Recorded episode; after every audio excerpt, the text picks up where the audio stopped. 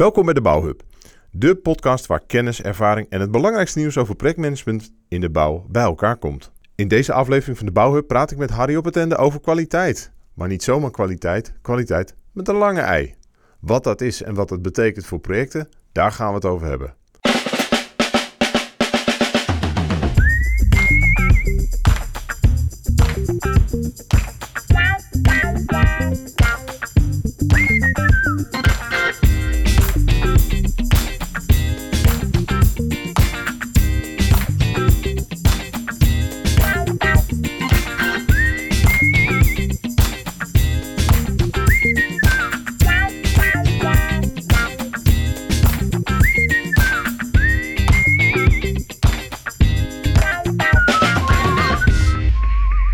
Vandaag gaan we het over kwaliteit hebben met een lange ei.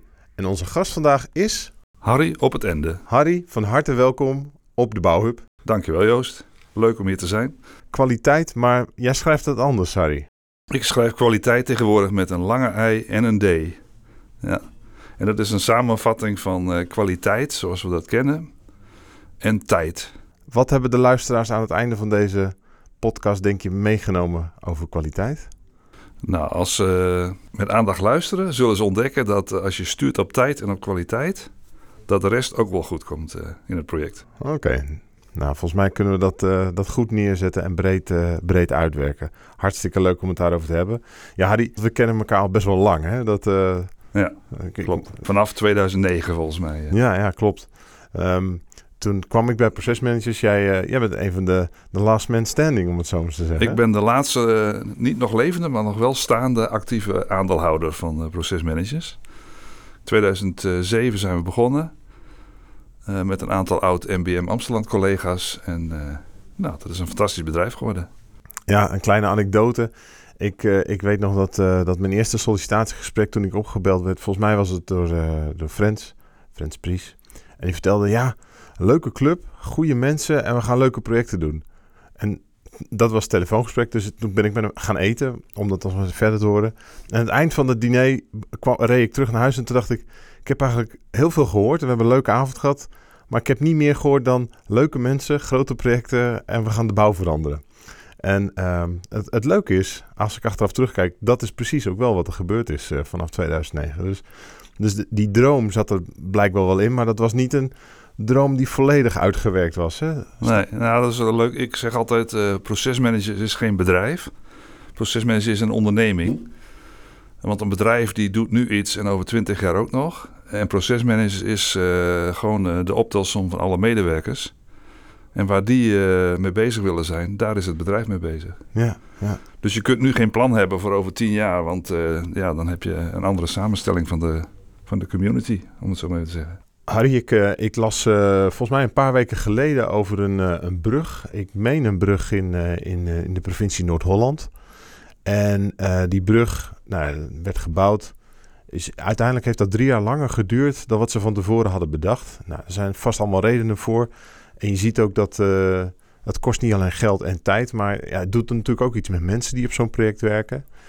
Ja, in de voorbereiding van, van dit onderwerp dacht ik wel van, goh, wa- wa- wat zou het anders kunnen zijn als je dus anders tegen kwaliteit aankijkt ehm, voor zo'n zo'n project?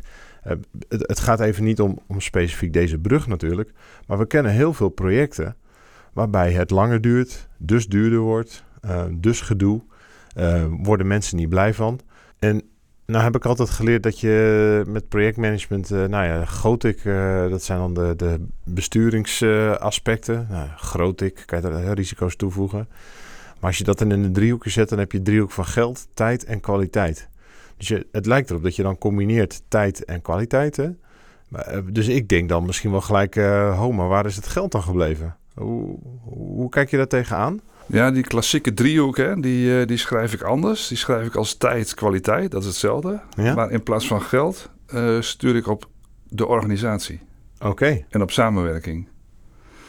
Dus als je van tevoren goed afspreekt wie wat moet doen, dus goede rollen definieert. ja, En dat stuurt dat mensen rolbewust zijn en ook rolvast. Dus dat ze zich houden aan hun eigen rol en niet andermans werk gaan doen.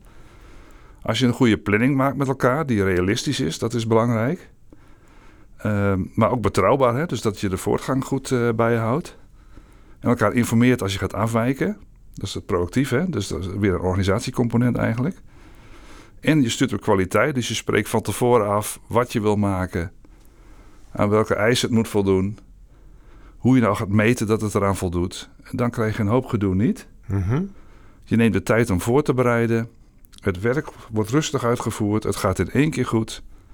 Uh, je doet het op de tijd die je afgesproken hebt, dus je bent voorspelbaar en betrouwbaar. Daardoor krijg je vertrouwen in elkaar. Omdat de kwaliteit goed gemanaged wordt, hoef je ook niet zo extreem uh, kwaliteitscontrole te doen. Je kunt vertrouwen op elkaars vakmanschap.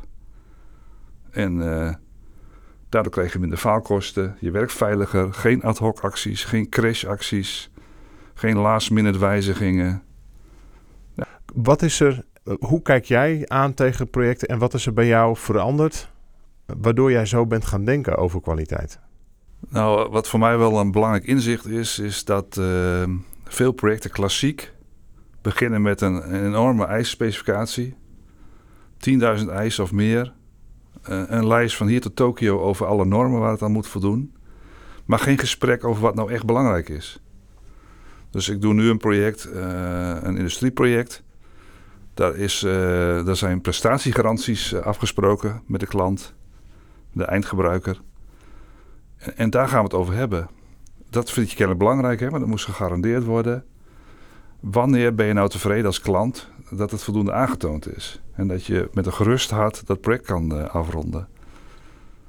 Um, nou, dat, dat is een hele belangrijke stap. Dus maak expliciet wat echt belangrijk is en, en onderscheid hoofd- en bijzaken. Ja. En, um, en ik ga je een beetje plagen natuurlijk, hè, want uh, om het maar helder te hebben. Ja, ik denk dan, goh, maar we hebben op heel veel projecten mooie, stevige vraagspecificaties met heel veel eisen. Daar staat toch precies in wat jij zoekt, uh, Harry. Daar staat toch precies in wat je moet gaan doen. Dat is toch top? Dat uh, lijkt top, maar is het niet. ja? Want ehm, ja, hoe vind je nou je weg in, je weg in een lijst met 10.000 eisen? Hoe weet je dan wat echt belangrijk is? Hoe heb je het gesprek er met elkaar over? En uh, wat wij uh, in onze omgeving vaak meemaken is dat wij doen projecten met een projectteam van de klant. Mm -hmm. Maar dat projectteam van de klant heeft een achterban, de eindgebruiker. Mm -hmm. uh, en we zien vaak dat wij denken projecten heel goed te doen. Hè? Wij, opdrachtnemers, opdrachtgevers, de projectteams. Maar vervolgens loopt het team van de klant vast op de eindgebruiker. Want die heeft heel andere beelden, heel andere verwachtingen niet goed afgestemd. Kun je daar eens een voorbeeld van? Kun je ons eens meenemen in zo'n project, misschien van een paar jaar geleden, waar dat speelde, om die, om die situatie wat te schetsen? Uh, nou, uh, het, ja, het beste voorbeeld, dat begrijpt ook iedereen, hoop ik wel, is uh, als wij. Ik zit vooral in de industriebouw. Ja. Dus wij bouwen fabrieken. Wat voor fabrieken moet ik dan aan fabrieken, denken? energiecentrales, okay. biomascentrales, maar ook wel chemische fabrieken. Die, um, nou, die bouwen wij in twee, drie jaar tijd. Mm -hmm. Maar de operator, de eindgebruiker, die moet er vervolgens 30 jaar beheer en onderhoud doen. Mm -hmm. En die installatie bedienen. Dus die kijkt met heel andere ogen naar hoe die fabriek uh, opgebouwd is. En dat bedoel ik gewoon fysiek. Hè? Dus uh, hoe je bij de instrumenten komt, hoe je onderhoud moet doen. Dus wij willen, wij projectteams, willen binnen budget en tijd en kwaliteit uh, zo'n fabriek bouwen. En, en niet te veel uh, onnodige ruimte, wat wij de onnodige ruimte vinden, meenemen. Maar de, de bediener, de onderhouder, die heeft dat nodig, die ruimte. Ja. En daar moet je het van tevoren over hebben. Hoe ga je daarmee om en hoe betrek je die eindgebruiker zo vroeg mogelijk in het project? En volgens mij is de theorie, de opdrachtgever heeft een projectteam. En die, dat projectteam is verantwoordelijk om de eisen op te halen bij die beheerders. We hebben dat uh, toen we spraken over het opleveren van, uh, van de RWZI met Camille en ME, hebben we daar ook uh, bij stilgestaan. Daar ligt in principe de taak om op te halen van wat moeten we nou eigenlijk doen en waar moet het aan gaan voldoen. Dus dat is een soort stap 1. Stap 2 is, is zorgen dat je een contract sluit met een, een bouwer of een contractor die dat gaat maken. En die krijgt die specificaties mee van het projectteam. Wat jij vertelt lijkt erop dat je zegt, als je vanuit de contractor dat beschouwt en je ziet dan wat je krijgt, dan is dat niet wat je nodig hebt om met die beheerder alsnog dat gesprek te starten. K klopt dat? Heb ik dat scherp? Nou, het is een kwestie van uh, uh, specifiek genoeg formuleren wat je nodig hebt. Ja. Dus als je aan een operator vraagt wat heb jij nodig, ja. dan heeft hij een fabriek nodig die altijd draait. Ja. Die als er een storing is, dat je hem goed kan onderhouden. Mm -hmm. Dat als je hem wil bedienen, dat het veilig kan. Mm -hmm. Dus die formuleert eisen in termen van het moet goed onderhoudbaar zijn. Mhm. Het moet veilig werken. Maar daar kun je als, als contractor niks mee. Mhm. Wat is goed? Ja. Dus je moet dat kwantificeren op een of andere manier. En, en dat is de slag die wij maken met kwaliteit onderhandelen vooraf. Oké, dus onderhoudbaarheid is goed. Wat betekent dat? Betekent dat dat je bijvoorbeeld drie meter vrije ruimte om een pomp moet hebben? Mhm. Want dan kun je dat meenemen op een tekening. Maar dit is zo'n voorbeeld, hè, dus als ik je mag onderbreken, waarbij ik denk dat best wel veel opdrachtgevers en teams zeggen, ja, dat is dus waarom we die dikke pakken papier schrijven, want daar staat in 2,5 meter de hit en eh, die eist dat. We hebben dat al heel erg smart gemaakt en dat levert misschien dan wel een pak op met heel veel eisen, maar daar is het duidelijk voor iedereen. Wat maakt dat het blijkbaar toch nodig is om het met elkaar erover te hebben, in plaats van dat je gewoon die eisen meepakt, die, die duizend eisen waar het precies staat? Nou, het simpelste antwoord is: als je al die duizend eisen bij elkaar zou optellen, Ja? wat vaak niet gebeurt, hè? Het is gewoon één, één bak met eisen. Maar als je ze allemaal zou optellen, wordt die fabriek drie keer zo groot en duur dan, dan nodig. Oké, dus daar zit hij. Het is niet dat Het, het is, niet... is- het wordt niet als een samenhang bekeken. Hmm. En daar moet je het over hebben met elkaar. En, en voor die samenhang eh, heb je dus dat gesprek nodig met de opdrachtgever en die eindbeheerder om met elkaar die Als maken. ja, Ja. precies. Ja. Want we moeten goed beseffen dat, eh, kijk, eh, jij komt uit de wereld van de infraprojecten met professionele opdrachtgevers, Rijkswaterstaat. Dat zijn projectorganisaties. Ja. De klanten waar ik voor werk zijn bedrijven. Mhm. Die, doen, eh, die leveren een product, dat doen ze nu, doen ze over 30 jaar ook nog. Die zijn gericht op productie. Die hebben maar één keer in de 10 jaar een groot project. Dus die hebben geen projectorganisatie, ook geen ervaring hoe je een groot project moet inrichten. Dus die moet je echt met de hand meenemen en aangeven wat belangrijk is. Ik merk dat we in dit gesprek langs de lijnen van kwaliteit, nou ja, eigenlijk de wandeling maken langs de structuur, hè, de- Ja. het contract en de eisen. Eh, ik heb je ook bij de introductie volgens mij wel juist de nadruk horen leggen op de mensen. En dat, dat gaf je net in een antwoord ook aan. Hè, van, het zijn ook de mensen die je moet, ehm, nou ja, die moeten met elkaar dat goed gaan doen. Ja. Volgens mij kan je dat helemaal niet in een contract opschrijven. Of, of gebeurt dat toch wel? Eh, nou, ja, dat gebeurt. Je kunt met elkaar een, eh, een, een, eh, ja, een projectmanagementfilosofie afspreken. Of, of een uitvoeringsfilosofie. Bijvoorbeeld ehm, dat iedereen geacht wordt proactief te zijn. Hè? Ja? Dus als die probleem ziet, om dan een, in goed Nederlands een early warning te geven. Ja. Zonder bang te zijn dat je er vervolgens van bent hè, en het probleem eh, in je mik hebt. Eh, en dat je eh, ja, voorspelbaar bent, open bent. Dat zijn allemaal principes die kun je afspreken. Ja? Ik wil hem eigenlijk omdraaien, Joost. Ehm, een van mijn, mijn hobby's is VS2 weg ermee. Ja? VS2, vraagspecificatie 2. Er staan vaak de proceseisen in. Dus hoe we het project gaan doen. Niet wat, dat is vraagspecificatie 1, maar vraagspecificatie 2. Eh, en, en die is vaak heel lang door onzekerheid of nou, whatever reason. Eh, en, en daarmee leg je eigenlijk de samenwerking eh, klem. Mhm. Want dat biedt geen ruimte voor, voor vakmanschap, eigen invulling, flexibiliteit in hoe je het project wil inrichten en ook adaptiviteit, ook een, ook een goed woord. Hè? Mhm. De wereld verandert, Ja. dus dan moet het team mee kunnen veranderen Ja. en ook mee mogen veranderen. In het eh, meenemen van elkaar, wanneer idealiter begin je daarmee in, eh, in het meenemen? Want doe je dat uh, nou ja, nadat het contract getekend is om te beginnen? Of wat is jouw ideale plaatje?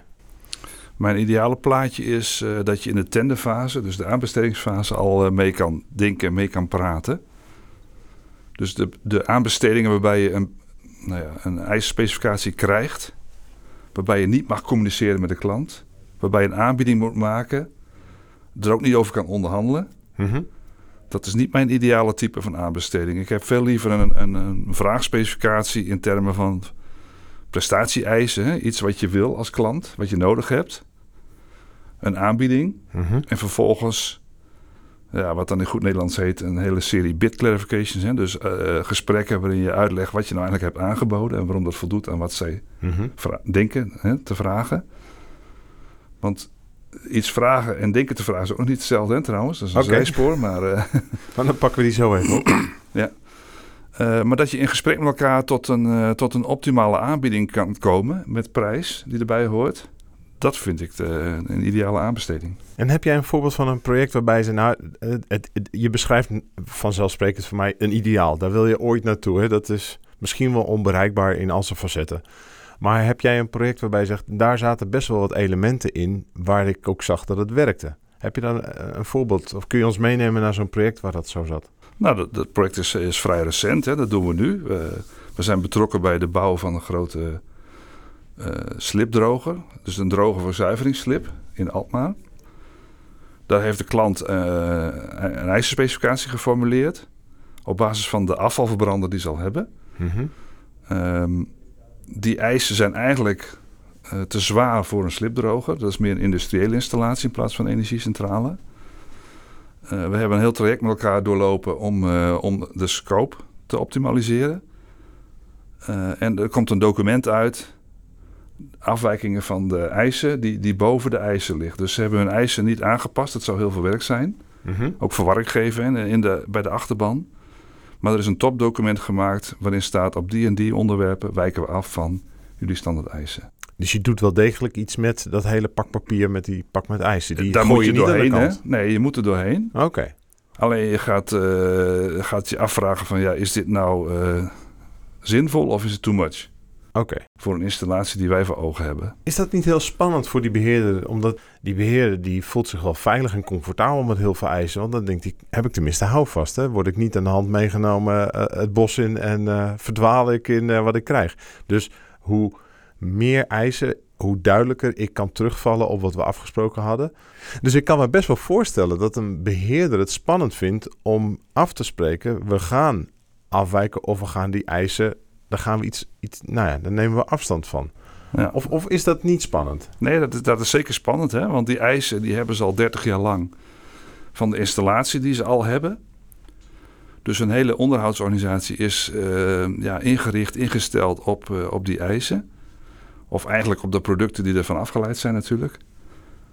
Eh, en nu kopen ze iets wat, wat ze nog niet hebben. Een heel nieuw soort installatie. Waar ze eh, eisen van een energiecentrale vertalen naar een heel ander type installatie. Een slipdroger, wat gewoon een industriële installatie is. Dus dat is spannend en dat werkt ook alleen maar als je vertrouwen hebt in het vakmanschap van de, van de leverancier. Dus dat is wel echt cruciaal. Dat is cruciaal. Je moet, je moet op een gegeven moment die stap durven zetten als beheerder van... oké, ik kan het nog niet helemaal overzien, het wijkt af. Eh, maar ik heb fabrieken gezien die al draaien, dat ziet er goed uit. Dus ik, ik doe het gewoon Ja. Ja. Dus, Ik waag die stap en, eh, en eh, by the way, we doen dat ook om het budget te reduceren. Hè? Dus de business case wordt beter. ja.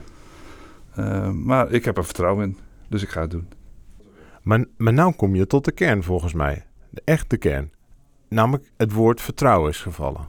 Precies. En, Ja. het, en niet vertrouwen in de mens of zo, maar het vertrouwen in vakmanschap. vakmanschap en daardoor vertrouwen in het proces hè, met Ja. En uiteindelijk vertrouwen in de mensen die het moeten gaan doen. Ja, En dat veronderstelt wel dat je natuurlijk vakmensen hebt. Hè? Je kunt niet eh, zomaar iemand van straat plukken en... eh, nee. Maar nu wordt het spannend. Hè? Dus ik, ik, even nog die proceseisen. Het gaat niet om het contract en hoe je dat opschrijft, maar het fenomeen dat je de behoefte voelt om heel erg duidelijk vast te gaan leggen, zeker als opdrachtgever, hoe gaan wij met elkaar samen dat project doen. Ja. Dus je kunt aan de ene kant kijken naar een VSP en dat, dat, dat klinkt een beetje door dat je zegt, ja, ik, en dat zijn mijn woorden hoor, dat een dik pakket eisen is misschien ook vooral een stapel littekens van vorige projecten die niet goed gingen. dat, zeg, dat zeg je mooi, ja. ja. En, En, en, het en- biedt geen enkele garantie dat het in het komende project goed gaat. Hè? Want daar zit denk ik al de, nou ja, zeg maar het omdenken. Dat de, de, de behoefte is meer duidelijkheid en houvast. Het effect is eigenlijk, schets jij, minder houvast. Hoe dikker het, het pakket... Het effect is verkramping. Hè? Ik Ja. noem dat... eh, ik heb eh, ook een, nog trouwens een infraproject gedaan. De Avenue 2-tunnel in Maastricht. ja, Eh, daar was in mijn mening sprake van eh, aantoonbaarheidskramp. Dus het schoot helemaal door. kun, kun je misschien even iets meer over het project vertellen en wat je daar deed? Dus het project, eh, de tunnel in Maastricht, kent iedereen wel, denk ik. Hè? De tunnel, de A2 onder Maastricht door. Ja. Vroeger moest je al die stoplichten langs hè, als je naar het zuiden ging. Ja, Nu ligt daar een een, hoop tunnel. wintersporters en zomervakanties uh, Precies, kennen dat nog ja. misschien van een Ja. paar jaar geleden. Eh, nu ligt daar een tunnel, een dubbeldekstunnel. Eh wij waren daarbij betrokken bij de aannemer. Mhm. Eh, en ik was daar projectdirecteur voor de tunnelinstallaties. Mhm.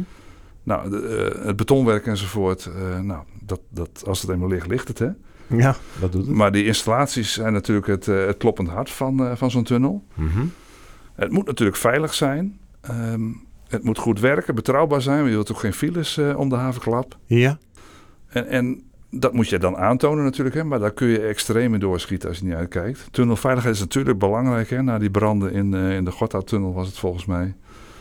Maar ja, wees reëel met elkaar. Hè? Op een gegeven moment is het genoeg. Ja, wat bedoel je genoeg? Dus ik, je kunt bijvoorbeeld een ijs hebben. Het lichtknopje moet het na duizend keer nog doen. Ja. Dat soort eisen heb je. Dat soort eisen heb je, ja. Hoe, hoe toon je dat aan? Nou, je kunt gewoon een, een gerenommeerd merk nemen... Hè, die uh, statistisch gezien een bepaalde uh, levensduur heeft. Je kunt ook duizend keer op die knop drukken. Kijken ja. of hij het nog doet. Ja, maar dan weet je het van die knop. Dan weet je het van die knop, ja. Uh, maar by the way, is die al wel duizend keer gebruikt, hè. Dus, ja. Dus hoeveel, hoeveel moeite wil je stoppen in het aantonen van een eis? Dus je kunt, dat probeer ik te zeggen, je kunt... Misschien heb je maar tien eisen... Ja. Maar kun je nog steeds extreem uit de bocht vliegen met het aantonen van die eisen. Ja. ja dus de hoeveelheid eisen zegt Ja. op zich niks over de aantoon Oh, Oké.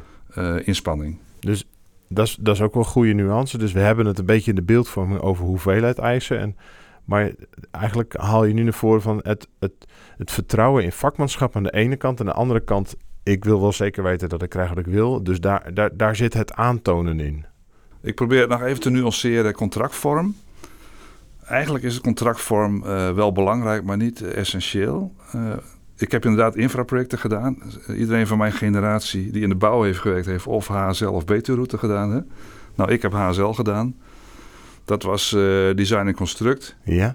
Wel een van de eerste dan ook, design en construct, denk ik. in Ja. de infra wel, denk ik. Ja. Ja. Eh, design en construct, maar zoals het ook bedoeld is. Dus functionele eisen. Een, een HSL was nieuw hè, voor Nederland. Er was nog geen hoge snelheidstrein. Dus de klant wist het ook niet precies. Mhm. Eh Betuwe-route was iets klassieker, maar dat was ook eh, een eh, design en construct. En Rijkswaterstaat en, en ProRail en zo, die, die, waren wel, die wilden daar wel mee aan de slag en experimenteren. Dat is een contractvorm. Eh, maar de- dezelfde contractvorm zie je soms ook bij klanten of bij teams van klanten. Misschien moet, want het is een mensenwerk, hè? bij teams van klanten die precies weten wat ze willen. Ja.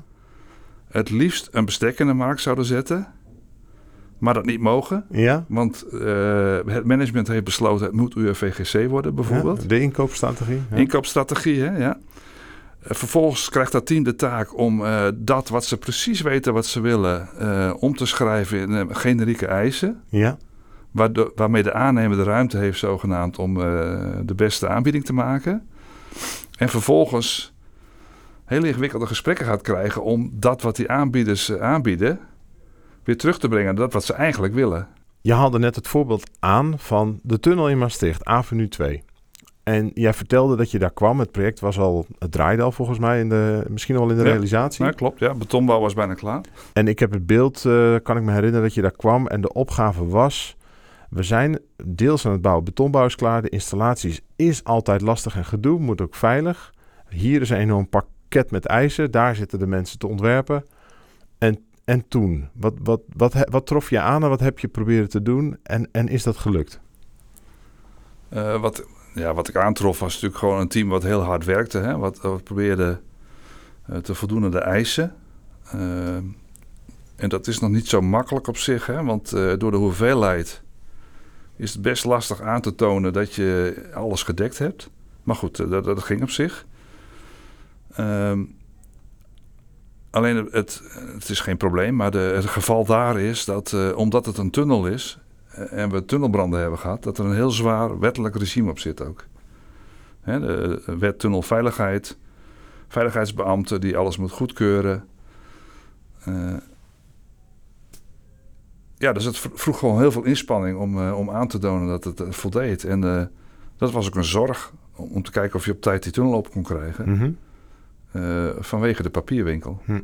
Nou, ik heb een onderzoek laten doen door een van onze collega's. Die heeft interviews gehouden met mensen en iedereen ervaren dat wel zo. Ja, Maar niemand was in staat om dat te veranderen, omdat die wetgeving nu eenmaal zo is. Wat ik daarvan meegenomen heb is, eh, eh, ja, als de wetgeving zo is, dan is die zo, hè, dan kun je Ja. niet veranderen. Maar als de wetgeving niet zo is En dat zijn alleen maar spelregels van een opdrachtgever bijvoorbeeld. Hè, het, programma van eisen waar we het net al over hadden. Ja, dan heb, kun je er wel invloed op hebben. Hm. En bij een private opdrachtgever wat makkelijker dan bij een publieke. Maar toch kan dat. Hier ligt echt een opgave dus voor opdrachtgevers. Om te kijken waar ze al ruimte kunnen geven. En voor opdrachtnemers om die ruimte dan ook nou ja, optimaal te benutten.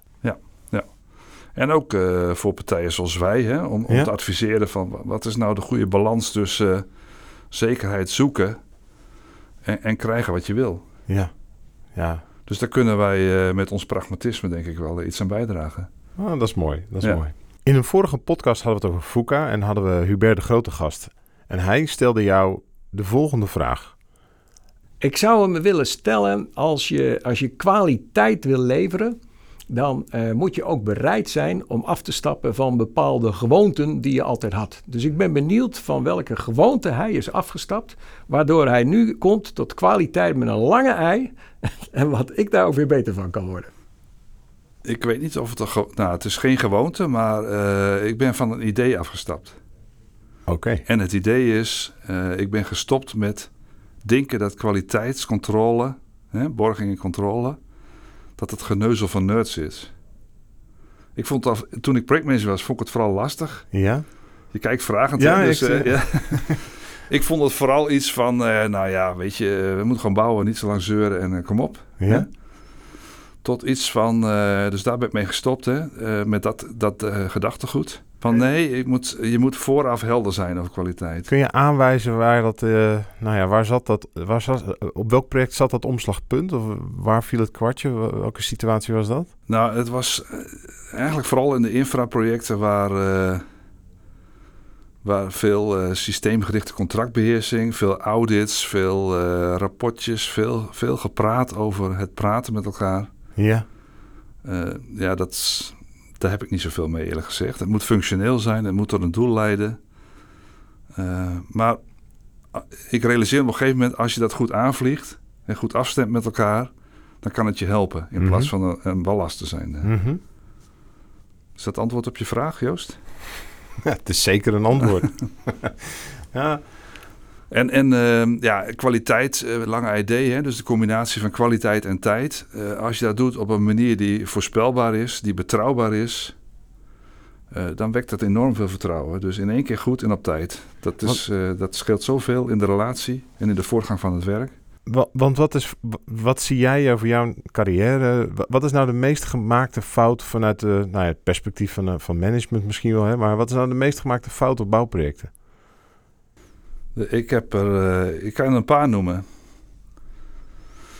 E- eentje is eh, het motto wat ik vroeger leerde toen ik nog eh, toen ik net begon als projectmanager. Dat is al eh 30 jaar geleden ruim, hè? maar toen was het motto: plan the work, work the plan. Met andere woorden, maak aan het begin een plan en voer het uit. Oogklep op, gewoon alleen dat maar doen. Zero change policy, hè? misschien ken je het wel. Ja, daar heb ik wel eens mensen over gehoord. Nou, En, jij, eh, jij bent van FUCA, hè, weet ik. Ja. Hè? Van volatiliteit en onzekerheid. Nou, die is er ook gewoon in het echt. Hè? Dat is geen eh, theorie. Ja, dat, Dus in elk project heb je onzekerheid en wijzigingen. En, en moet je omgaan met andere omstandigheden. Tegenvallers. mhm. Een schip wat dwars ligt in het Suezkanaal... waardoor je materiaal een half jaar later krijgt. Bedenk het maar, hè? prijsstijgingen. Dus plan the work, work the plan is leuk... zolang er niks verandert. Maar die ziet, dat heb je nooit. Dat is eh, gewoon een eh, illusie. Ja, vroeger dachten we dat. En misschien zeg ik ook wel eens met een knipoog. Misschien was dat dan vroeger ook wel zo. Maar in de wereld waar we nu in leven. Ja. Ja, dat, dan, dan krijgt het iets. iets eh, het droombeeld is misschien wel een bepaalde stoïcijnsheid. Hè? Van we hebben een goed plan en dat gaan we uitvoeren. Geen gezeik. Precies. Maar, het, maar, maar volgens mij, als je om je heen kijkt naar de projecten waar echt, echt gedonder en gedoe is. Dan zie je dat men ook ergens in een proces volhoudt, volhoudt, volhoudt. Totdat nou ja, het project gewoon zo klem gelopen is op van alles en nog wat. En dat van alles en nog wat is vaak, ehm, nou ja, de, de zijinvliegers of de veranderingen of de onzekerheden die... Nou, dat, het is een leuk raakvlak met het contract, hè? Ja. Want waarom moet het eerst klem lopen? Eh, dat is omdat veel mensen het idee hebben, eh, ik noem het altijd, wie het eerst knippert met zijn ogen is de klos, hè? Ja, Dus iedereen wacht zo lang mogelijk tot een ander zijn vlaggetje opsteekt van ik red het niet meer. En die is dan aan de beurt. die is een lul. Die hè? is de lul, precies. Ja. Maar dat wordt gedreven door het contract. Ja. Maar het contract moet eigenlijk zijn... Early warnings worden gewaardeerd. Ja, Wij zijn transparant, wij zijn open en Ja. proactief. ja, En eh, een projectprobleem is geen persoonlijk probleem. Dat is onze filosofie. Wat bedoel je daarmee? Als, als een leverantie te laat is van, eh, van aannemer A, dan, dan gaat het niet over aannemer A, het gaat over die leverantie is te laat. En dat moeten we fixen met elkaar. B en C moeten meewerken om daaromheen te organiseren dat het project doorgaat. Het moet een gezamenlijk probleem zijn. Dit, dit heb ik iemand ook wel eens noemen. Jouw pijn is mijn pijn en mijn pijn is jouw pijn. Precies, ja, ja. Maar dat moet je aan werken en het contract moet dat toestaan. Ja. Want als het contract, als erin staat van eh, degene die... eh, je hebt contracten met eh, 30 mijlpalen waar een boete aan hangt. Ja. Dat is killing voor samenwerking. ja, dat zou je niet meer aanbevelen. Dat zou ik niet aanbevelen. Eén mijlpaal aan het eind heb ik beelden bij, hè? want Ja. de klant moet zeker hebben dat hij op een bepaald moment eh, die installatie, ik praat vooral in termen van installaties, hè? bij een weg is dat wat lastiger misschien. Nou, die zal ook een keer klaar moeten hoor. Dus op Die zich. moet een eh, keer klaar, maar ja, goed, anyway. ehm, dus één mijlpaal aan het eind, dat, dat vind ik een goed idee. Of die tussenvariant zie je ook wel eens, een beperkt aantal tussenmijlpalen met een boete, mhm. maar met de kans om het terug te verdienen.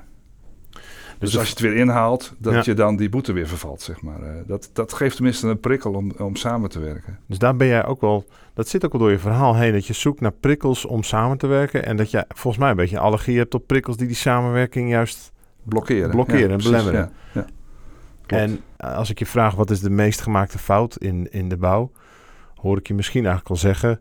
Dat is vooral focussen op de belemmeringen van die samenwerking. En die, die blokkades inbouwen.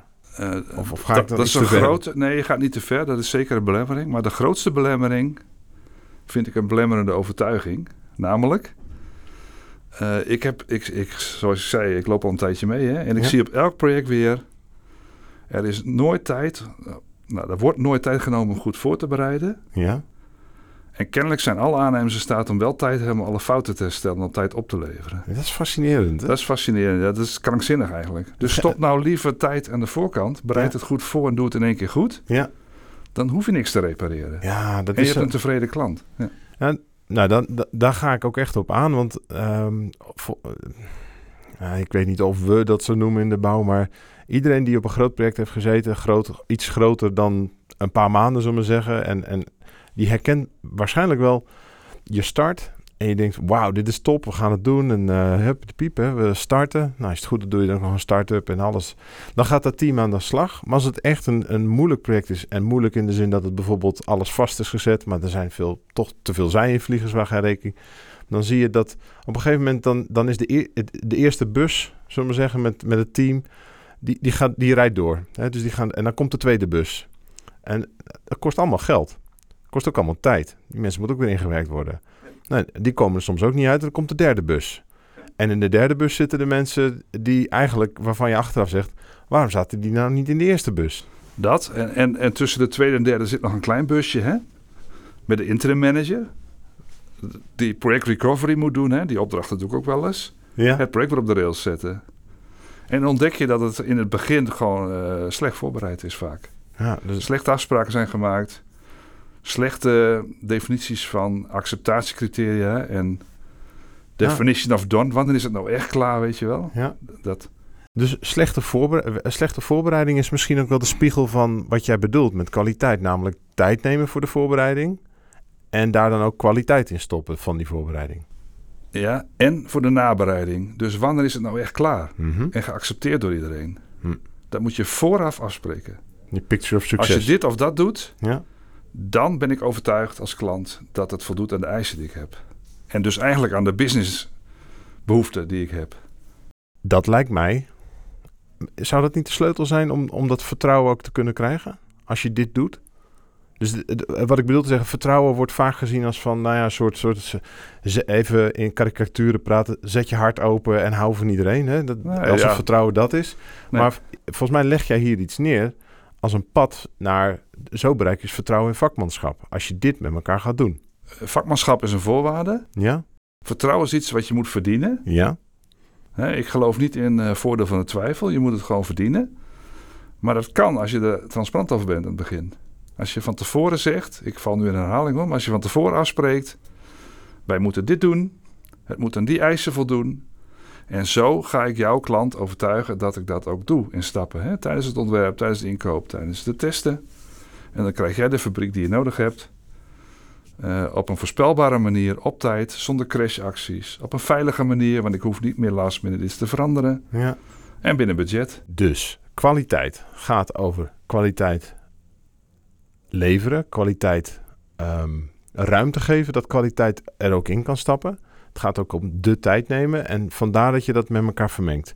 Klopt, ja. En, en dat zit hem in wat welke mensen je hebt. En, en de mensen die moeten dat met elkaar gaan doen. Het zijn niet de plannen en de contracten die met elkaar kwaliteit leveren. Het zijn de mensen die dat met elkaar doen. Precies. Als je vakmensen bij elkaar zet, heb je niet eens plannen nodig bij wijze van spreken. Ja, en, en de manier van hoe je dat managt, is dat je die blokkades weg probeert te nemen om dat team, nou ja, eigenlijk wel langs die structuur eh, te laten lopen. Ja, want heel veel blokkades zijn geldgedreven. Het gaat over boetes of. Uh, maar op de korte termijn heb ik geleerd van je net. He, want dat zijn uh, geldgedreven incentives, maar wel op de korte klap. Niet op de totale business case. Of Uiteindelijk ben je beter uit. Ja. Dat, maar korte, ja, de korte termijn boetes van als je een bepaalde mijlpaal niet haalt, dat zijn negatieve prikkels. Die remmen het project. Dan krijg je indekgedrag. Schuld. En, dat de schuldvraag. En dat, willen we niet. Nee, we moeten de hulpvraag kunnen stellen, niet de schuldvraag. Exact, exact. Volgens mij hebben we dat onderwerp redelijk rond. Maar ik wil nog, toch even nog een paar vragen stellen over jou. Want waar haal jij inspiratie vandaan? Ik haal mijn inspiratie uh, misschien wel uit mijn ergernissen. Dus ik werk met veel plezier ja. aan mooie projecten. En iedereen kent wel van die dagen dat het gewoon niet loopt en dat het, uh, ja, dat je die dag eigenlijk gaat willen overslaan hè, of overdoen. Ja. Nou, de inspiratie is dan van bij jezelf te raden gaan. Waarom nou, hè? Ja. Wat was dat dan? Mm Waarom erger ik me hieraan? En, hoe, en dat is dan de volgende stap, hè? Hoe kan ik dit voorkomen voor de toekomst? Wat kan ik doen of veranderen? Aan mezelf of aan anderen of aan het systeem of aan het contract of wat het ook maar is. Waardoor dit niet meer gebeurt. Mm -hmm. Nou, dat vraagt een flexibiliteit, want je moet out of the box kunnen denken, hè? je moet ehm, creatief zijn uh, en, en, de gezamenlijke belangen zoeken. Dus denk in termen van belangen en zorgen in plaats van uh, claims en uh, alles wat negatief is. Snap je? De stip ja. aan de horizon, daar ja. moeten we naartoe. En dat triggert jou, die reflectie daarop, die triggert jou vanuit je ergernissen van hoe kan ik het verbeteren? Of hoe... Dat, dat. En, en ik haal inspiratie uit het hele agile denken, de softwarewereld. Mm -hmm. Van we, we hebben iets nodig, het moet uh, aan bepaalde eisen voldoen, maar het moet vooral een functie hebben. We weten niet precies hoe het eruit ziet, maar we gaan gewoon beginnen. En in stapjes, hè, in iteraties, gaan ja. we naar het doel toe werken. Nou, dat zou ik in de bouw ook graag willen. En, en heb jij een, een, een rolmodel of, of, rolmodellen waarvan je denkt, daar zou ik wel wat van willen lenen? Of, of daar, probeer ik ook echt iets van mee te nemen en te leren en te implementeren als projectmanager? Nou, wat ik erg inspirerend vind is uh, het bedrijf Tesla. Ik rij zelf ook een Tesla. Als je nu naar een Tesla kijkt, dan denk je briljant. Wie heeft dit kunnen bedenken? Alles klopt. Er zijn superchargers, het systeem werkt, mechaniek is goed. Maar het is niet bedacht van tevoren volgens mij. Het is gewoon ontstaan in stapjes. Mm -hmm. Achteraf lijkt het briljant. En het is natuurlijk ook briljant, maar het is ook een beetje per ongeluk misschien wel. Hè? Dat het gewoon de evolutie uh, zo ontstaan is. Uh, meer dat vind ik inspirerend. Het is een organisch proces, maar wel ja, met precies. een heel duidelijk doel. Ja, dus heb nog niet de illusie dat je dat plan the work, work the plan. Hè? Ah, ja. Dat is eigenlijk een illusie in deze wereld, zeker. Ah, dat is mooi. Dus, dus la, laat je drijven door dat wat je nodig hebt op dat moment. En als het verandert, nou, zo wordt. Verander mee. Een volgende keer hebben wij hier uh, Freek van Berkel. Uh, Freek van Berkel, dat is een, uh, een organisatiepsycholoog. En we, we, gaan die podcast noemen... Er komt een bouwer bij de organisatiepsycholoog. Beetje een geintje natuurlijk, maar we menen het wel. Wat is nou een vraag die jij Freek zou willen stellen? We hebben het gehad over uh, hoe het gaat in de bouw. Hè? De, de klassieke manier, uh, de, manier zoals ik het graag zie. Hè? Adaptief, uh, gericht op kwaliteit met lange ID. Dat is voor heel veel mensen een hele grote stap. Dus mijn vraag zou zijn, als dan die aannemer en de opdrachtgever misschien wel naast elkaar op, de, op die bank liggen bij de psycholoog. ja, hoe komen ze dan met elkaar in gesprek en winnen ze het vertrouwen? Dat komt toch weer het woord vertrouwen, hè? Dat ze een flexibel contract aandurven met elkaar. En alleen maar te sturen op kwaliteit en tijd. Mooi. Ja, we gaan het hem stellen en we zijn erg benieuwd naar het antwoord. Om te verbeteren en niet in één keer in het perfecte plan te stappen, want dat heb je aangeraakt, dat werkt niet. Uh, maar om steeds stapjes te maken, hebben wij ook de gewoonte om, om uit te checken. Dus mijn vraag aan jou is, hoe stap jij uit deze podcast? Wat neem je daarvan mee? Nou, het is ten eerste een leuke manier van uh, podcasten. Het is geen uh, lezing of zo, maar interactief. Ik maakte me wel een beetje zorgen of het wel over kwaliteit zou gaan op een gegeven moment. Het ging vooral over contracten, maar het kwam toch weer goed. Hè? Want uiteindelijk uh, ja, ademt het door alles heen, hè? kwaliteit en tijd. En met name de bandskant ervan, hè? de organisatie. Dus ja. uh, ik, heb het, ik stap uit met het idee dat ik dat uh, goed heb kunnen uitleggen, hoop ik. En dat is blijven hangen. Nou, en dat mag jij zeggen, Joost, dat ja. blijft hangen. nou ja, kijk, ik ben er ook niet bepalend in. We proberen natuurlijk op dit onderwerp op een, op een, op een prettige manier... Uh, nou ja, bij, bij de mensen in het oor te krijgen, zeg maar. Uh, en tegelijkertijd het achterliggende doel is, is, is om ook het gesprek er vooral over door te laten gaan. En, en wat ik daarvan meeneem, is... Um, ik merk vaak als het over samenwerking en over vertrouwen gaat... dat, dat de link vanuit projectorganisaties naar... en wat betekent het nu voor mij vandaag? Wat betekent het voor mijn mensen? Wat betekent het voor de structuur? Dat dat nogal een, een lastig is. En ik, en ik hoop van harte, want dat heb ik wel gehoord... dat jij best wel veel voorbeelden hebt genoemd... over wat kan je nou doen, in welke stap, welke structuren... Welke, dat, dat het dus niet alleen maar een, een, een, een iets is van een intentie... maar dat je het ook doet. Hè? Dus in die zin het is niet work the plan, maar het, is, het heeft wel te maken met dat je van tevoren nadenkt dat je dit dus moet gaan organiseren. Dat je daar aandacht aan moet gaan geven en ook ruimte aan moet geven. Ja. En dat, dat neem ik heel erg mee van, uh, van, van kwaliteit vandaag. Ja, misschien uh, wat er bij mij oproept is, uh, we hebben het gehad over plan the work, work the plan, hè? dat het oud denken is. Maar eigenlijk moet het zijn, denk ik, plan the plan. Dus heb het erover van tevoren, hè? voorbereiden en work the work. Oh, die is mooi. Nou, dat is een mooie afsluiting. Dat, dat is nog jouw toevoeging. Is er iets waar jij op terug wil komen wat je hebt gezegd in deze, in deze uitzending? Nee. Helemaal niet? Ik ook niet? Nou, dan hartelijk bedankt dat je bij ons uh, aanschoof en, uh, en dat je over het onderwerp kwaliteit met ons hebt willen praten. Daarmee eindigen we de aflevering van de Bouwhub. Wil je meer afleveringen van de Bouwhub luisteren? Abonneer je dan via die verschillende platforms en mis op die manier geen enkele aflevering. Wij hopen dat je weer kennis en tools hebt opgedaan die je morgen kunt toepassen op jouw bouwplaats. Voor nu bedankt voor het luisteren en we zien je graag en we horen je graag weer een volgende keer op de Bouwhub.